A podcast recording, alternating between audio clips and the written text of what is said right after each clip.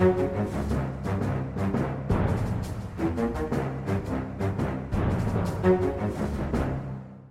da ønsker vi velkommen til en ny utgave av Aftenpodden. Jeg er politisk journalist Lars Glomnes, og med meg har jeg som vanlig politisk redaktør Trine Eilertsen og kulturredaktør Sara Sørheim. Velkommen. Takk, takk. Vi har et av våre favorittemaer i Aftenpodden siden vi begynte, har vært eh, kokolandet Sverige og den litt rare debatten der. Eh, nå skal vi til et annet land der de gjør ting litt annerledes. Vi skal til den magiske bergenspolitikken og det borgerlige samarbeidet. Eh, der det stadig kommer nye og spennende historier. Dette liker vi. Ja, dette, det, dette mener jeg jo. Du hører jo at min etniske tilhørighet tilsier jo både engasjement og entusiasme for det vi skal snakke om nå. Og dette er jo totalt underdekket i, i eh, den riksjournalistikken. For det som skjer i Bergen, det er helt eget. Eh, der har du eh, en, et forhold mellom, eh, mellom bystyret og byrådet, som da er, består av Frp og Høyre, som gjør at uh, Frp sin stortingsgruppe i, her og deres forhold til regjeringen fremstår som eh, ja, konstitusjonelt feinschmeckeri. Det Fortell er- mer. Vi, kan, vi, kan jo, vi skal ha en sak uh, på trykk eh, snart, så vi er i gang med, for å oppsummere dette for Aftenpostens lesere og gi litt innblikk. Og det er jo ikke bare de rent sånn politiske dimensjonene og samarbeidet som er litt rart. Det er veldig mange ting i Bergen som minner om en såpeopera, rett og slett. Ja, men det har alt. Ja, Uh, så vi, har, vi kommer vel til å sette sammen en liste som rett og slett forklarer uh, hvorfor bergenspolitikken like gjerne kunne vært en såpeopera. Jeg kan jo for å dra litt, uh, litt av forholdene så forklare noen av disse punktene. Vi har da, et av dem er jo da at ektemannen til ordfører Trude Drevland faktisk ser ut til å måtte gå i fengsel for underslag fra et klientkontor. Mm, over to år, ja. Ja, eh, og I tillegg så i fjor så ble jo en rekke politikere tilknyttet Bergen Høyre tatt i en sånn diger narkoaksjon. Mm. Eh, og Erna Solbergs egen vara, eh, Erik Skutle, ble jo da også tatt for å ha både røyka cannabis og kjøpt sopp i Amsterdam. Jeg bare, en liten digresjon der. Jeg trodde ingen kjøpte sopp lenger. Jeg trodde det var noe man slutta med på 70-tallet. Men det er en av mange mystiske ting i denne saken. I Bergen. Unge Høyre så er, det, er ikke det over. Plukk det heller. Ja. Ja. Men det skal sies at eh, der har det vært noe slags eh, Der har det faktisk, Jeg tror nok om det ikke har kommet til Høyesterett, så høyt opp i rettssystemet så er det faktisk slått fast at det er ikke grunnlag for å straffe noen for å kjøpe sopp i utlandet. Nei. Det er, ganske bare, det er bare noen få forbrytelser som, eh, som gir grunnlag for straff selv når forbrytelsen da skjer i utlandet. Ja. Så, så det, det tror jeg, kan, eh, tror jeg ikke er en del av straffereaksjonen, da, for å være, for å være nøyaktig på det. Men det blir ikke noe bedre at Trude Drevland, eh, et evig oppkomme av personlighet og gode historier, brukte jo også halvannen million på eh, en bekjent som taleskriver, eh, heller enn en rådgiver. Det fikk hun en smekk for da det kom fram eh, i det hele tatt, og ble kjent at det ikke fulgte kommunens regler.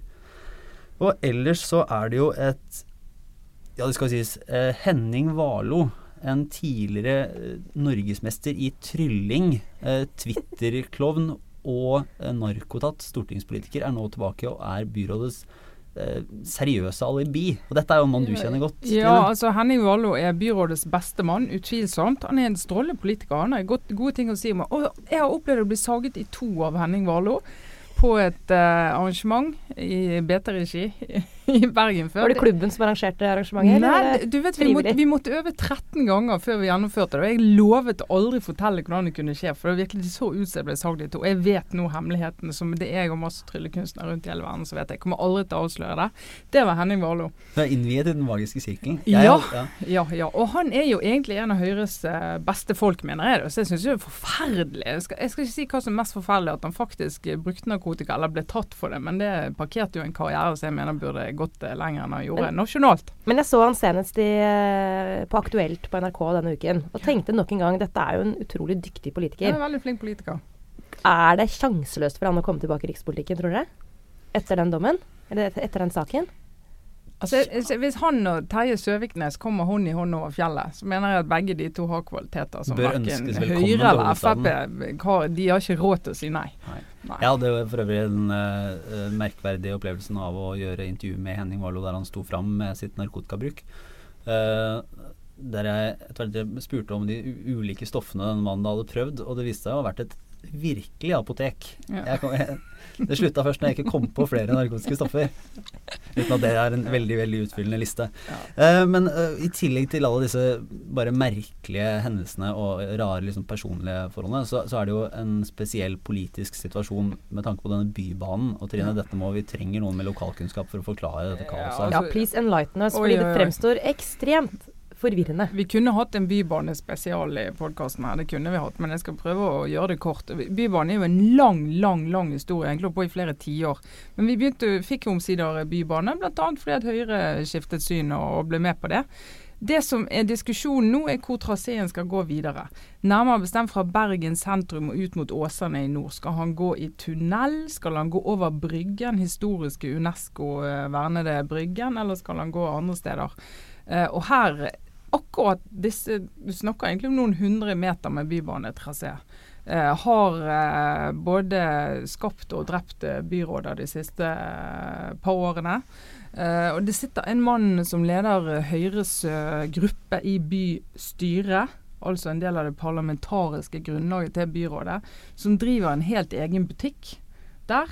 Eh, Og prøver å skape sine egne alternativ for denne traseen. Og så har du en eh, byrådsleder som overtok etter Monica Mæland, som eh, satt hardt med hardt og fikk gjennomslag for sitt alternativ. Men så gikk jo hun av. Da hun ikke kom på topp av nominasjonen, så Bergen fikk en ny byrådsleder, Martin Smith Sivertsen, som ikke har vært valgt, ikke sitter i bystyret, men altså leder byrådet nå på toppen av listen. Dette er komplisert, hører jeg. Eh, og nå er det helt nye alternativ for denne traseen som er diskutert. Og det, det er virkelig kjernen i det borgerlige samarbeidet. Det er om de setter denne saken på spissen før eller etter valget. nå. Så Bybanen, denne kommer vi til å høre mye om. Jeg har liksom levd i den villfarelsen om at det er Fornebubanen som er liksom den vanskeligste saken i norsk eh, kollektivtrafikk. Vår egen Fornebubane her i Oslo, som jo også er et sånt uløst eh, gnagsår i Oslo-politikken. Mm. Men det blir jo ingenting mot Bybanen i Bergen. Nei, det gjør det ikke, faktisk. Det er, Men spørsmålet er jo også om det borgerlige samarbeidet kan holde. Vil KrF f.eks. Vil de stå lojalt ved de borgerlige side? Er det noen sjanse for at det kan sprekke ved neste valg? Altså, det er interessant. Monica Mæland var byrådsleder i Bergen i ti år før hun eh, dro til Oslo og ble statsråd, og har egentlig vært ganske usynlig siden det. Men hun hadde et veldig sterkt grep om både byrådet og den borgerlige sitsen i Bergen. eh, og kontrollerte egentlig Høyre ganske bra. I det hun dro, det var omtrent som da Tito døde og Jugoslavia begynte å gå i oppløsning. Altså, det samme Bergen Høyre bare forsvant ut i forskjellige etniske grupper og opprinnelser eh, som eh, har eh, til dels lite å snakke om. Og det er helt selvdestruktivt. Og hvis de ikke greier å stable noe på beina til høsten, så kan Høyre takke seg sjøl. Og så har du et interessant Frp i Bergen som så å ikke forholder seg til Frp nasjonalt. De tar omtrent ikke telefonen når de ringer. De har gjeninnført eiendomsskatt, de styrer på bompenger. Og de går, forsyner meg med på litt køprising eh, her på, på, på våren. Så Og et eh, parti som Frp, som allerede har spesialisert seg på å ri i hvert fall to og egentlig tre hester i rikspolitikken, har da i tillegg en sånn dark horse på Vestlandet. Eh, en del av partiet som er en slags, akkurat som i Asterix, den lille landsbyen, hvor de bare gjør som de vil og eh, kjemper mot overmakten. Men de er ansvarlige, da. Det skal de ha. Ja, litt av og på, da. De, de, de som sitter i byråd, men de, så går de ut når det blir for gale, og så kommer de inn igjen. Og eh, det som eh, også er litt interessant å se, er jo at Erna Solberg bygger jo det borgerlige samarbeidet på riksplan på et sånn tillitsforhold, særlig i toppen, da, som jobbet med i årevis for at det skal, de skal kunne være tett på. Når man ser på flere av de bruddene i Bergen, så går det på at eh, samarbeidspartene ikke har tillit til Høyres gruppe. Der har jo Mm. KrF trakk seg ut av byrådet da de, da de følte seg snytt av Høyre. Eh, Liv Røsland, finansbyråden, da, som gikk, den, gikk av denne uken, eh, var også tydelig oppgitt over det hun oppfatta som noen illojalitet fra eh, bystyregruppa. Ja, Høyres gruppe som driver og lager alternativer som er annerledes enn det deres egen finansbyråd da, i byrådet går inn for. Så det er jo det er en veldig, veldig spesiell situasjon. Og så er det en byrådslederkandidat som ikke er egentlig valgt der han sitter nå. Eh, håper å bli det, men som er, eh, ikke har rutine verken med presse eller med offentlighet på dette nivået, og som ikke har den kraften i det hele tatt som Monica Mæland hadde da hun var byråd. Hadde jo en personlig popularitet. Hun vet du, på opp mot 40% i perioder. Var jo en fantastisk eh, posisjon i, i Bergen. da. Tror du hun angrer på at hun eh, dro over fjellet? Mener ikke på den mest eh, tragiske måten, men altså kom til Oslo. Jeg tror, Når nok er det nok, tror jeg. Så det, Hun er sikkert litt lettet da, men det må være litt trist å se sånn nærmest livsverk bare smuldre Politisk livsverk smuldre vekk. Bare uker etter hun dro, faktisk. Dette kan vi også, denne lista, fordi nå har vi tatt liksom to eller tre punkter. Det er en lang liste. Du har den i hånda, Lars. Ja, da, du sitter og skriver vi, saken som skal vi, vi publiseres på, på lørdag. Vi på ti, og det er, det er, ikke noe problem å finne, egentlig. Altså, det, er, det er mest det om man har, uh, man har glemt noe viktig eller, eller vittig.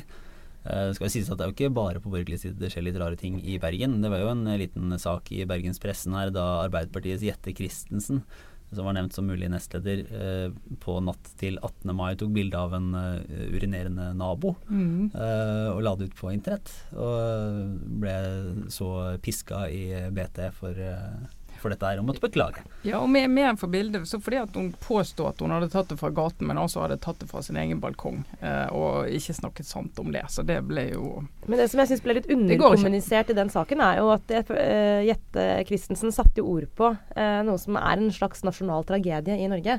Og det er jo ettermiddagen på 17. mai. Når Norge går fra å være liksom barnas festdag med, med, flagg og med iskrem og med alle de korpsgreiene vi er så stolte av, og at vi, her er det barna som markerer nasjonaldagen og ikke de militære, osv., osv. Så, så i fem-seks-draget på ettermiddagen, eh, når 17. mai går over til å bli fyllikenes dag, Eh, og liksom mørket senker seg uh, mentalt over nasjonen. Eh, forfall. Og vi må forte oss å ta barna inn fra gata før de ser naboen liksom velte seg i sitt eget oppkast uh, utenfor inngangsdøra. Og jeg føler at uh, det bildet som Jette tok den dagen, fanget, fanget akkurat den overgangen. Det overgangsritualet i norsk kultur. Så jeg syns egentlig rent sånn journalistisk og historiemessig det var et veldig, veldig godt bilde. Syns det er urettferdig å få så mye kritikk for det. Jeg tenkte når jeg så det på Instagram at det skulle jeg tatt sjøl. Men med alle de som sånne situasjoner, det er ikke selve bildet, det er måten du takler saken på. Sånn er det i politikken. Det er måten du takler det på, så avgjør om det blir en god eller dårlig sak for deg. Og dette ble en dårlig sak for henne. En evig sannhet. Ja.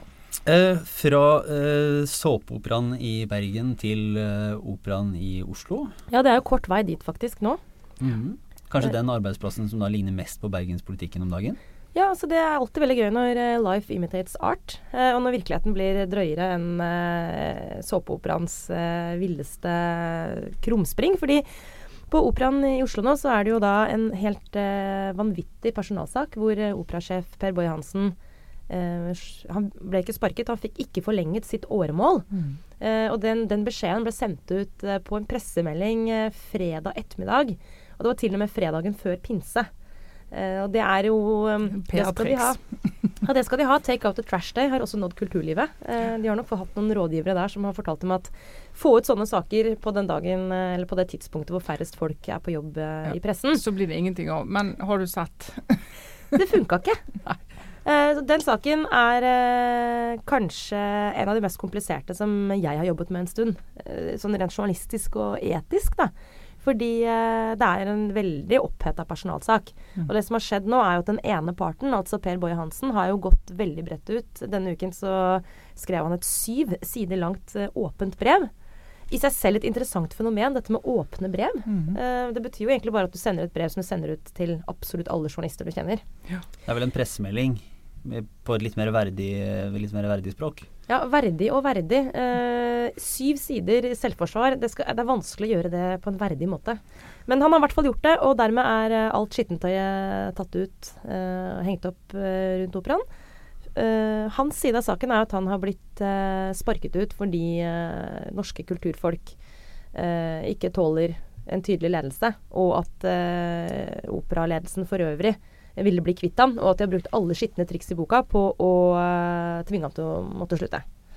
Og så får han støtte fra veldig mange av sine venner og kollegaer rundt omkring i Europa. Mange, ikke minst de folk som ikke jobber på operaen, åpenbart. Ja. Mm. Og så uh, er jo saken sånn at uh, med en gang en sak er en personalsak, så er det veldig vanskelig for en arbeidsgiver å kommentere det offentlig. Det er nesten som du kan sammenligne med en sånn type barnevernssak. sant? Hvor, eh, hvor, den ene parten, altså eh, foreldre f.eks., for vil gå ut uh, i mediene og fortelle sin historie. Uh, men hvor den andre parten uh, rett og slett har taushetsplikt. Nå er det ikke akkurat den samme situasjonen her på Operaen, men bare for å gi et sånt bilde av mm. hvor skjevt det blir når den ene parten sier ingen kommentar, og den andre skriver i det vide og det brede. Så vi står midt oppi det nå. Vi vet jo at det er flere sider ved denne saken enn uh, enn bare én part. Men er det sånn nå at vi, hvis du da som er kulturredaktør og kan, kan synse litt, heller du i retning av at dette er en fæl oppførsel fra dette styret, eller at han er en vanskelig sjef som det kanskje er greit å få bytta ut? Nei, jeg tror det var helt riktig å ikke forlenge hans åremål, ut fra det jeg vet om saken. Mm. Eh, av eh, rett og slett eh, hensyn til eh, at de må ha en profesjonell leder i en sånn institusjon. Mm. Og det mener jeg at er liksom i kulturlivet. Du må på en måte bare ta det inn over deg at uh, hvis uh, en leder ikke fungerer med mennesker, og ikke er i stand til å lede mennesker, så hjelper det faktisk ikke at vedkommende, som i dette tilfellet er kunstnerisk sett helt eksepsjonell. Fordi hvis ikke du får med deg folka dine, så er du ferdig. Eh, og ut fra det jeg vet, så var han ferdig. Han måtte faktisk ut. Ja. Men det der med profesjonalisering av ledelse, se i vår bransje, mediebransjen. For det er ikke så lenge siden at du kunne være redaktør på veldig høyt nivå og være hva skal jeg si, Han var en veldig spesiell personlighet. Du hadde bare ikke kommet unna med den måten å lede på i dag. Det, det, vi er kommet til en tid hvor det der med å forstå ledelse og kunne ledelse, det, det, er et krav også for folk som er faglig veldig skarpe og veldig sterke. Det holder ikke å være liksom fremst blant likemenn, du må kunne det også. Og nå kommer det, nå også det kommer til kulturlivet. Åpenbart. Ja, og det er på høy tid. Men det er jo også fascinerende å se da hvor eh, med liksom full autoritet mennesker som ikke kjenner saken, føler at de kan uttale seg om uprofesjonell ledelse osv. Det er mange nå som har vært liksom, på ballen og sagt at eh, ledelsen med operaen har gjort en grov feil, f.eks. Og de ser kun på det kunstneriske, og det er jo det er veldig spesielt for, for kulturlivet. Den måten å reagere på sånne beslutninger på. Uh, og De ser på kunstnerisk og det han får ut av det. Og så har jo de selvfølgelig ikke innsikt nok til å se at greit at det virker kunstnerisk nå, men om to år og tre år, hvis hele organisasjonen er, helt demotivert og kvalt, så blir det ikke mye kunst igjen. Ja. Men er det, er det forenlig dette idealet om uh, medvirkelse på arbeidsplassen og den moderne arbeidsliv med den geniale kunsten. Er det er vel mye kunst opp igjennom og ting man ser på som stort nå, som uh, aldri ville blitt skapt hvis man ikke hadde holdt ut Hvis du hadde norsk arbeidsmiljølov. Ja, hvis man Nei, ja, det, det tror jeg er rett det. Som å holde ut med genier og deres litt sånn vanskelige lynne eller andre ting. Det ja, dette er det evige spørsmålet. da. Altså, jeg tror f.eks. at det rød-grønne kulturløftet det førte til mange flere arbeidsplasser i norsk kulturliv. Jeg er ikke sikker på at det førte til bedre innhold, bedre mm. kunst. Så du kan liksom ikke profesjonalisere deg, eller du kan ikke heller pøse penger inn et sted og tro at det automatisk fører til bra kvalitet. Tvert imot, kanskje. Samtidig så er det også sånn at den der teorien om at eh, bare du er kunstner, hvis du er genial, så kan du være så fæl du bare vil. Det er også veldig sånn irriterende, og det er jeg så lei av, egentlig. Fordi uh, for eksempel så tror jeg det er lønner seg å jobbe fra ni til fire og ikke drikke altfor mye alkohol hvis du skal produsere god kunst. Mm. Jeg har ikke noe tro på den derre eh, gudegitte inspirasjonen som kommer etter 14 rødvinsflasker osv. Og, mm. og alt dette her kommer jo ned til at du kan ikke ha sjefer som ikke klarer å være sjefer, eh, og tro at det er greit fordi de jobber med kunst. Mm. Det mener jeg er en grov undervurdering av eh, hele feltet, og ja. veldig uprofesjonelt. Men det er jo eh, i hvert fall i drama, da. Tas ut av kunsten og inn i virkeligheten. Ja, og sånn sett så er det jo egentlig bare en slags uh, fest. Eh, jeg oppfordrer jo alle til å bare skrive åpne brev. Det gjør jo vår jobb mye enklere. Det er, Ja, og nå om lukkethet og åpenhet og allting. En ikke så fullt så smidig link over til andre sjefer man eventuelt da ikke har, har lyst til å ha. Eh, for eh, i Aftenpodden så er vi jo et eh, sammensurium av interesser, og eh, politikk er høyt på lista, og kultur er høyt på lista, men også eh, fotballen. Og nå braker du virkelig løs i Fifa. Dette store, stygge dyret som har styrt eh, internasjonal fotball. Jeg tillater meg å være litt meningsbærende på dette feltet, siden jeg ikke skriver om dette vanlig. Uh, og for en glede å se Sepp Latter uh, da gå av som leder av Det internasjonale fotballforbundet i etterkant av disse arrestasjonene fra FBI. Det var et fantastisk bilde, det som har gått litt rundt nå. Um, hvor det er et det er et bilde hvor han bare går ned fra scenen, duknakket Sepp Latter, uh, og en sånn sikkerhetsperson har åpnet bakdøra og peker 'her er døra'. Det bildet der altså Jeg trodde faktisk ikke jeg skulle få oppleve å se det. Uh, jeg trodde ikke han kom til å gå. Jeg bare tenkte uh, Det er så gjennomkorrupt, dette systemet. Og de har levd så lenge med på en måte helt sånn totalt sviktende selvinnsikt. At han bare kommer han, han må bæres ut av uniformert politi, liksom. Og så gikk han.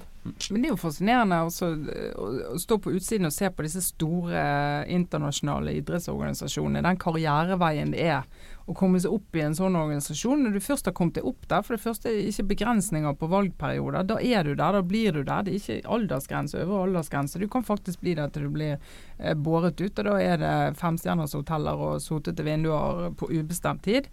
Uh, og det er ingen som har noe innsyn i hva du holder på med. Det er ikke transparens, det er ikke kontroll, det er ikke maktkontroll i det hele tatt. Så det er jo en karrierevei for, uh, for uh, antidemokrater med ønske om å leve det gode livet, Altså. Og så er det, det, på det nivået under. Gleden, fotballgleden, olympiske si gleden og sykkelgleden når vi går langt inn i det den gjør jo at det er jo ikke sanksjonsmuligheter for grunnplan eller for publikum. For du slutter jo ikke å se på fotball fordi om du ikke liker Fifa-ledelsen. Nei, og, og, det har jo Altså Sepp Latter var en som Han har vært eh, for udødelig å regne. Han har jo overlevd så mye rare ting og skandaler og anklager tidligere. Uh, at det var vel ingen innen fotballen som egentlig hadde våget å tro at det skulle avslutte på en, på en såpass tilsynelatende ryddig måte som det er nå. da.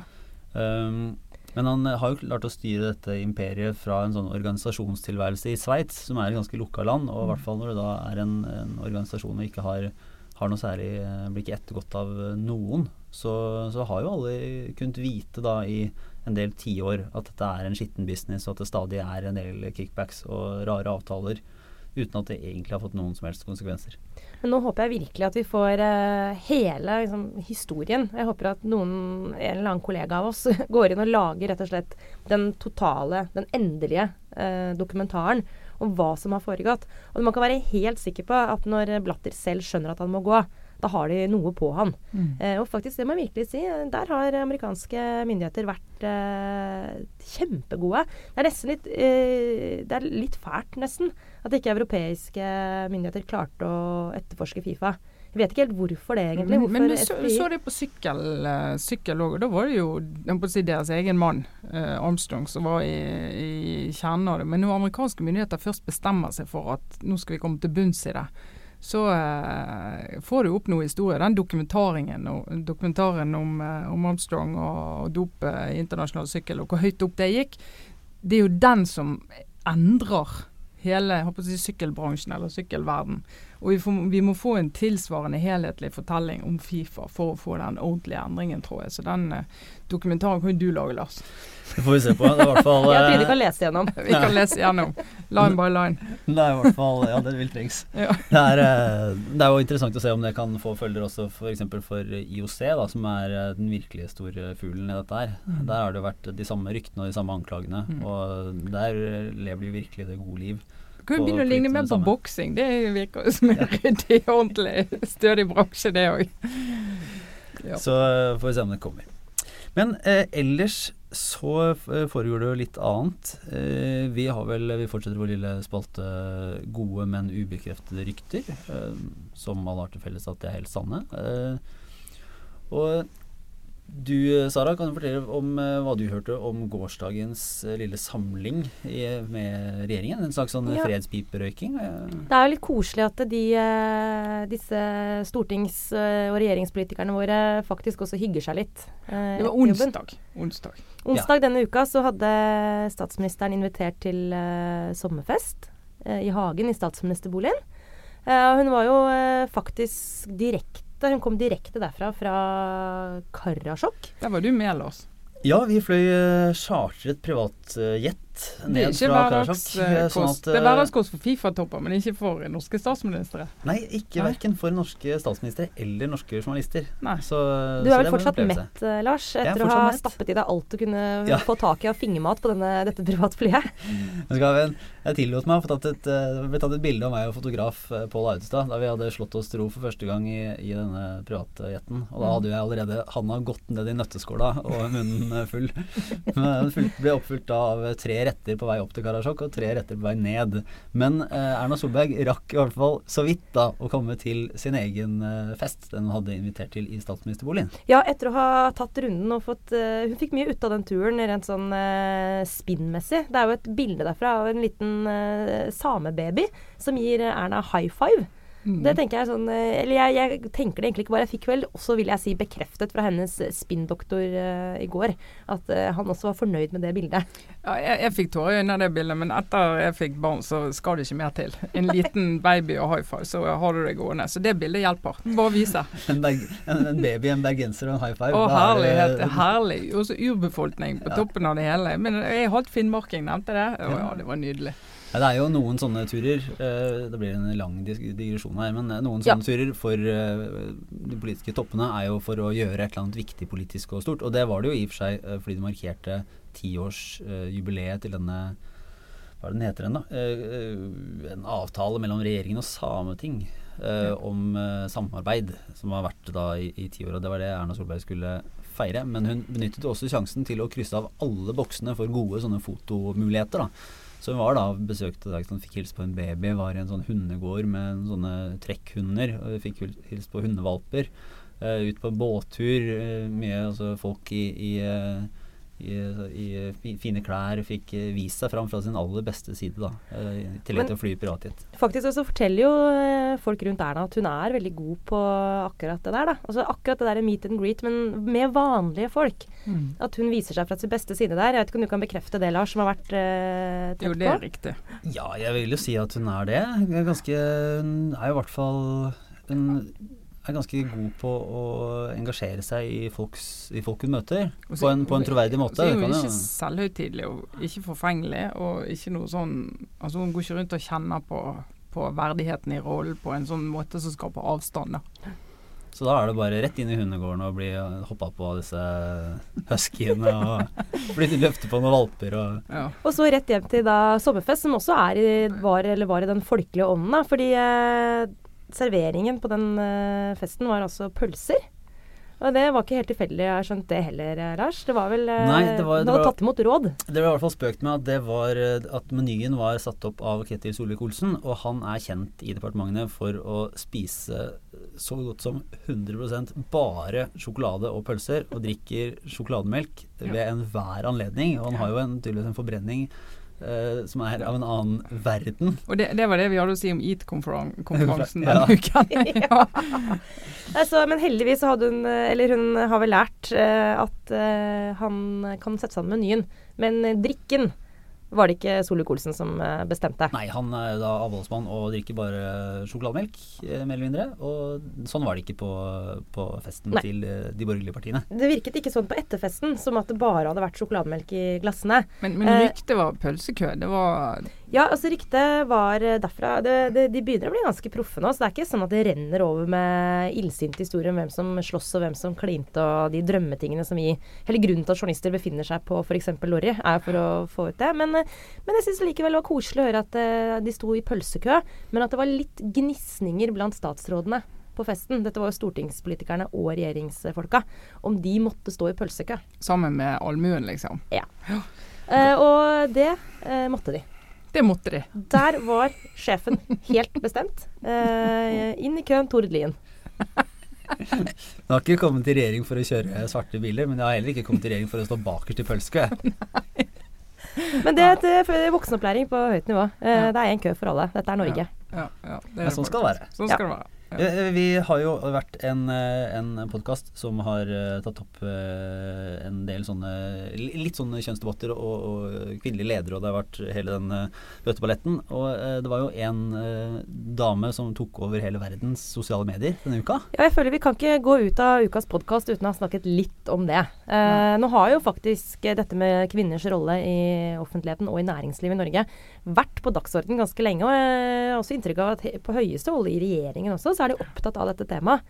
Eh, og jeg tror også at det er ganske mye sinne, eller jeg vet at det er mye sinne blant kvinner i posisjon, både i mediebransjen og i politikken, uh, over, og i næringslivet, over at uh, det fins en del styreledere som bare er propper i systemet nå. Mm. Men da, nå men, har dere da fått en ny søster i den internasjonale kvinnebevegelsen. Nå er det jo en som har gått over. Ja. Ikke bare sympatiserer med kvinnene, men rett og slett blitt kvinne. ja, vi må snakke bare bitte, bitte litt om Bruce, eh, eller unnskyld, Caitlyn Jenner. Ja.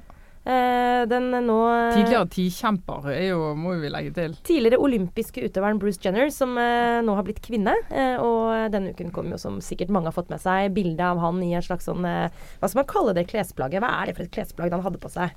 Det er ikke undertøy, men det er ikke klær heller.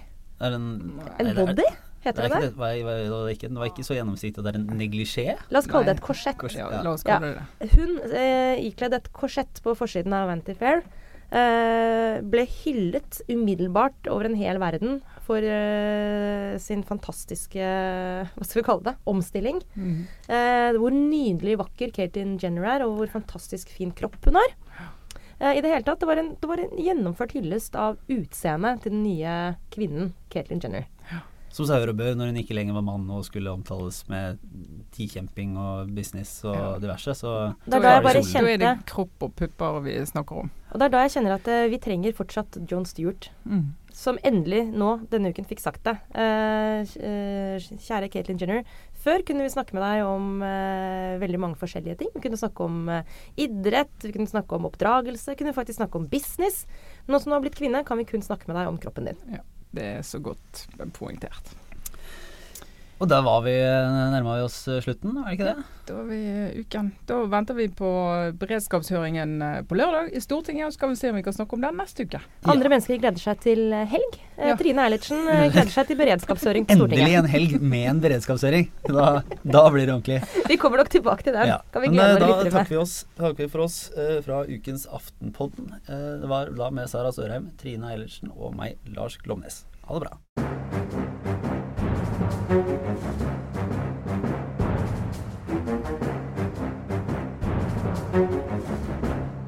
Ja, og så kan vi ta med en liten ekstra beskjed. Hvis du hørte på podkasten denne uken i iTunes, så kan du jo også gå inn og abonnere. Da får du den neste utgaven rett i telefonen din uten å måtte gjøre noe som helst. Eh, Det gjør du ved å søke på Aftenpodden i eh, iTunes-søkeren, og så er det bare å trykke på abonner og vente på neste utgave. Gi oss også gjerne en stjernerating i iTunes hvis dette er noe du vil anbefale til andre å høre på.